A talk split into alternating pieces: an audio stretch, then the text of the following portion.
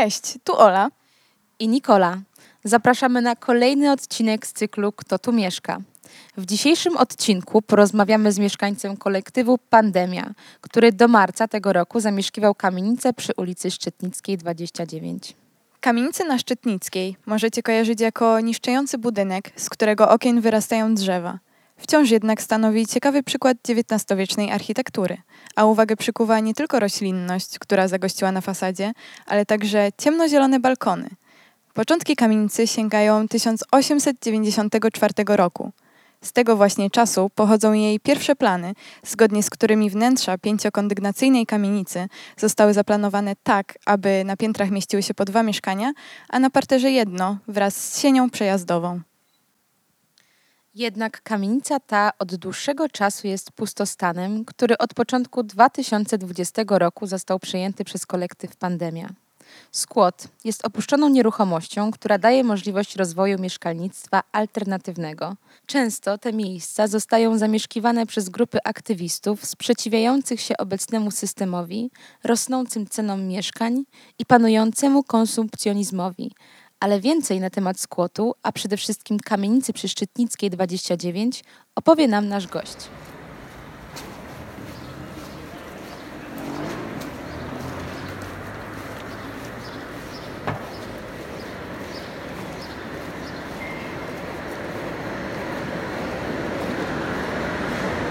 Cześć. Bardzo nam miło, że zgodziłeś się z nami porozmawiać na temat skłotu oraz Szczytnickiej 29. Może na wstępie opowiesz nam i naszym słuchaczom, kim są skłotersi i dlaczego zdecydowałeś się na taką formę mieszkania. O, bardzo mi miło. Kim są skłotersi? Skłotersi są to osoby, które nie zgadzają się z aktualnym systemem, z aktualnym podziałem majątku w społeczeństwie. Sądzę, że są też to osoby, które nie zgadzają się na aktualny stan rzeczy, jeżeli chodzi o podział pomiędzy bezdomnymi a pustostanami, które znajdują się na terenie po prostu całej Polski. Są też to różnego rodzaju aktywiści, głównego tak naprawdę głównie anarchiści. I zadecydowałem się na taką formę mieszkania. Przeżywałem pewien kryzys w życiu, przez to, że mm, rozchorowałem się, straciłem możliwość pracy i również straciłem możliwość zamieszkania. Szukałem wtedy tak naprawdę miejsca, w którym mógłbym się zatrzymać, a jak się okazało, było to właśnie skład pandemia. Jak długo mieszkałeś przy Szczytnickiej i jaka panowała atmosfera w tym miejscu?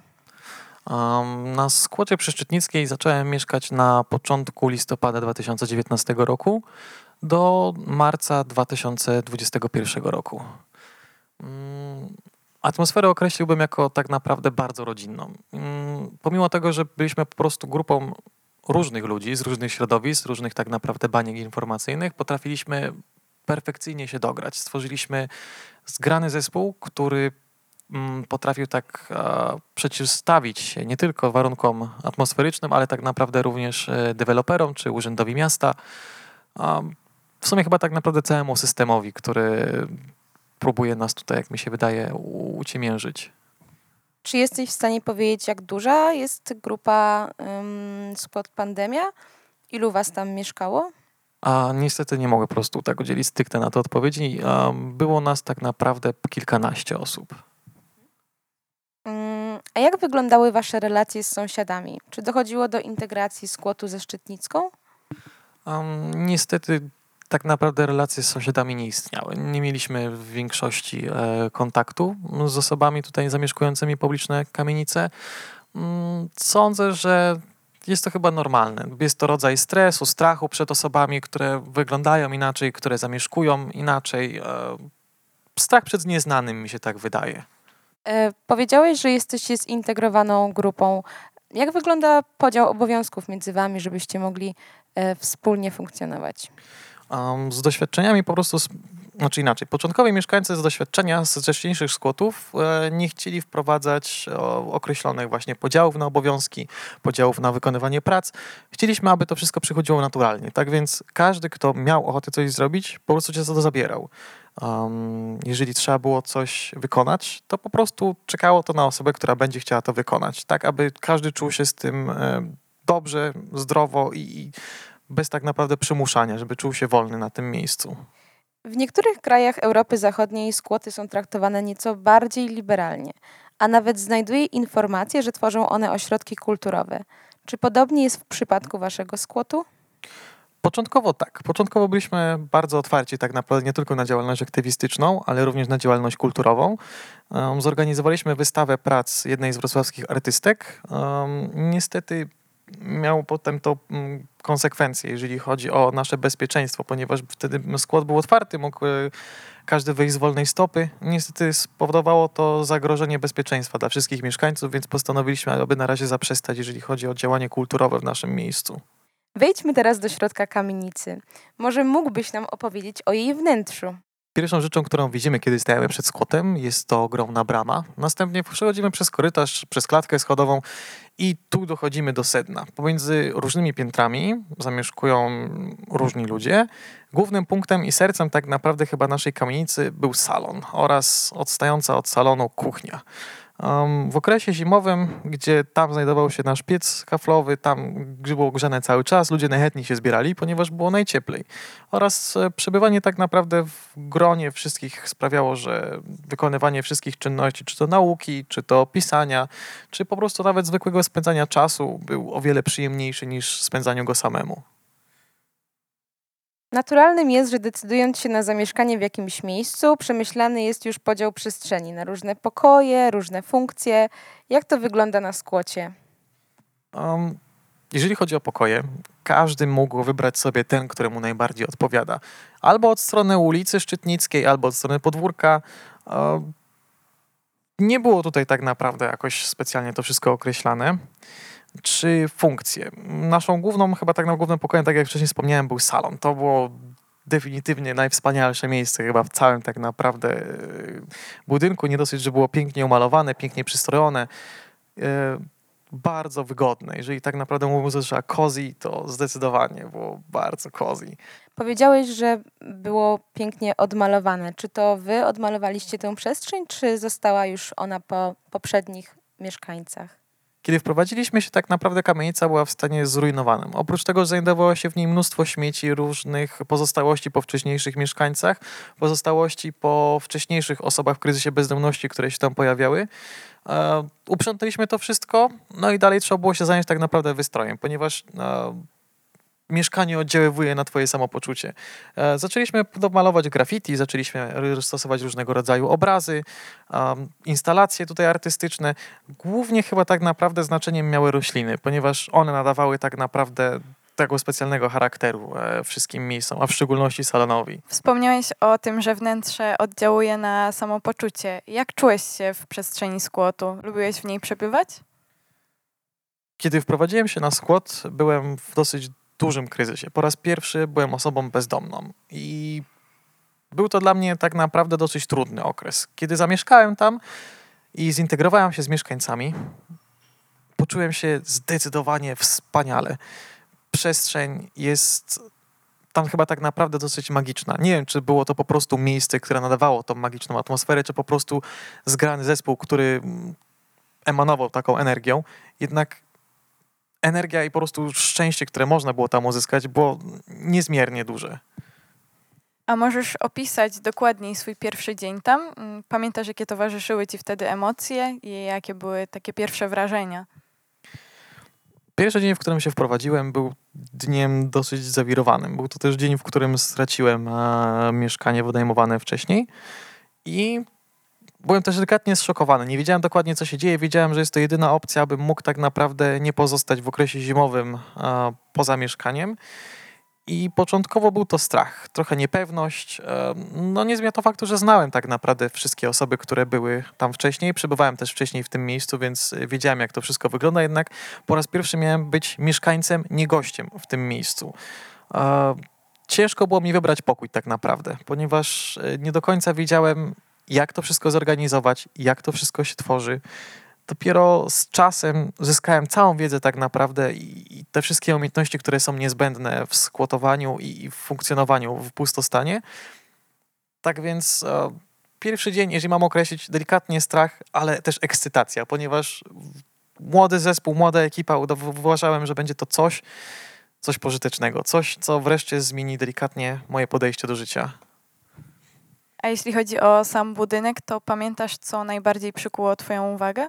Budynek tak naprawdę nie różni się niczym innym od innych budynków. To, co przykuło moją uwagę, były to instalacje zrobione przez jednego z mieszkańców. Miały one podtekst duchowy, tak naprawdę miały one ochraniać nas i, i, budynek przed wszystkimi złymi rzeczami, które mogą się przytrafić.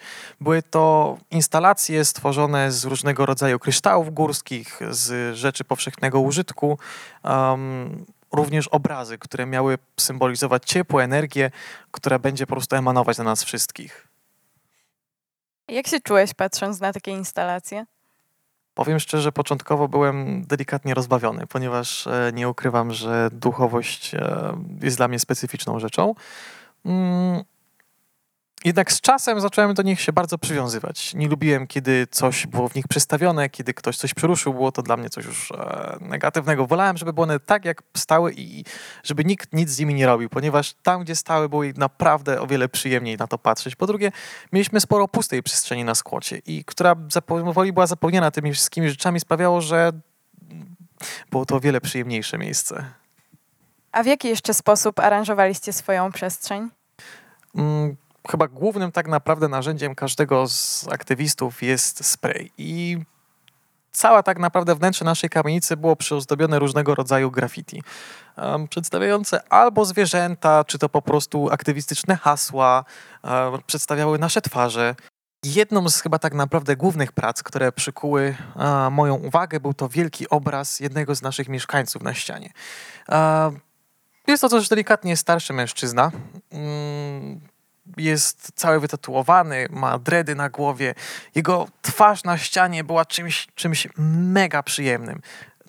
Każdy, kto przychodził, patrzył się na niego, od razu rozpoznawał jednego z naszych mieszkańców, mówił, Dame, to jest coś, co robi wrażenie, ponieważ a, graffiti było na półtorej piętra, więc było ogromne i kiedy przechodziło się po schodach, tak naprawdę patrząc na niego, on obserwował ciebie. Więc było to zdecydowanie przyjemne. I, I, przepraszam, zapomniałbym najważniejszej rzeczy. Światełka na klatce schodowej. Powiem szczerze, że mm, na początkowo wydawał mi się ten pomysł delikatnie ekscentryczny, dosyć za bardzo rozbudowany, jednak kiedy chłopcy skończyli montować całość oświetlenia z malutkich lampeczek na klatce schodowej, muszę przyznać, że miało to bajeczny wygląd. Czuło się, jakby się przechodziło tak naprawdę nie poprzez starszą kamienicę, tylko przez um, trochę bardziej bajkowy świat. Jak to wyglądało? To były światełka rozwieszone na całej klatce schodowej?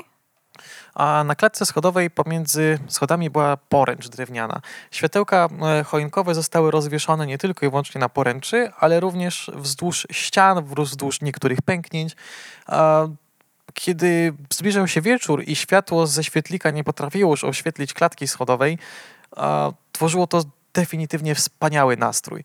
Na jednym z pięter e, we wnęce po dawnej instalacji gazowej mieliśmy postawiony pomnik Maryi. Tam e, zostały poświetlone białe światełka, zostały przyłożone białe kwiaty. Powiem wam, że e, mimo tego, że nie miało to większego znaczenia duchowego, jednak e, wizualnie sprawiało to naprawdę przepiękny widok. Czyli można powiedzieć, że wnętrze Szczytnickiej było taką dość artystyczną przestrzenią. Tak, zdecydowanie. E, jest to przestrzeń nie tylko aktywistyczna, ale również przestrzeń artystyczna. Każdy mógł tak naprawdę poprzez e, swój wolny czas zmieścić tyle instalacji tak naprawdę i tyle mm, rzeźb, płaskorzeźb, malarstw, no, jakichś obrazów, ile tylko chciał, więc e, tak. Wróćmy jeszcze do fasady budynku. Patrząc na kamienicę przy Szczytnickiej 29 można zauważyć drzewa wyrastające z okien i balkonów. Możesz więcej o tym opowiedzieć? Co one tam robią? Mm, jedną tak naprawdę z podstawowych działalności aktywistycznych jest działalność ekologiczna. Próbowaliśmy kolektywnie podjąć decyzję, co zrobić e, z tymi drzewami. Ustaliśmy jednak, że nie będziemy ingerować w to, jak natura działa i jak natura wpływa tak naprawdę na naszą okolicę. Nie ukrywam, że w okresie letnim jest to coś urozmaicającego tak naprawdę ulicę Szczytnicką, ponieważ e, delikatne brzozy, które wystają z fasady budynku, e, powiewane na wietrze, coś przyjemnego dla oka. E, dla nas tak naprawdę nie miały one większego znaczenia, po prostu kwestia ekologiczna, aby nie szkodzić, tylko jak najwięcej tak działać pożytecznie. Jak przenosisz się myślami do Szczytnickiej, to co widzisz? A może co słyszysz albo czujesz? Kiedy przenoszę się na Szczytnicką, tak naprawdę głównie mam przed sobą nasz salon oraz mój pokój. W moim pokoju czułem się bardzo bezpiecznie, bardzo komfortowo. Miałem swoją kozę, w której często grzałem e, w salonie tak samo, kiedy mogliśmy dorzucać do pieca, kiedy gromadziliśmy się tam wszyscy w okresie zimowym, aby się ogrzać, aby po prostu być przy sobie. Mm, kiedy gotowaliśmy razem wspólnie posiłki, było to naprawdę zdecydowanie przyjemne chwile. Dla osób, które powiedzmy, którym brakuje mm, rodziny, dla którym brakuje energii rodzinnej, tej atmosfery, budowanie kolektywu jest czymś tak naprawdę takim idealnym substytutem, ponieważ daje on te same wartości i atmosferę, którą daje prawdziwa rodzina. Tak więc uważam, że mm, kiedy wracam wspomnieniami do tego miejsca, mam na myśli całą załogę, mam na myśli nasz salon, mam na myśli mój pokój, w którym mogłem czuć się bezpiecznie i komfortowo, w którym mogłem być sobą. To jeszcze ostatnie pytanie. Mm, jakimi trzema słowami określiłbyś Szczytnicką 29? z pewnością byłby to dom, ponieważ był to mój dom, w którym czułem się naprawdę przyjemnie. Byłby to załoga, ponieważ bez niej nie byłoby domu, bez niej nie byłoby całego skłotu. No i chyba tak naprawdę to wszystko. Dom i załoga. To, to tak naprawdę tworzy całą tą przestrzeń. Dzięki za dziś. Myślę, że dowiedziałyśmy się wielu ciekawych informacji o skłocie i o mieszkaniu na Szczytnickiej. Trzymaj się. A więcej o Szczytnickiej i nie tylko dowiecie się na naszym Facebooku i Instagramie Kto tu mieszka. Do usłyszenia za tydzień. Cześć!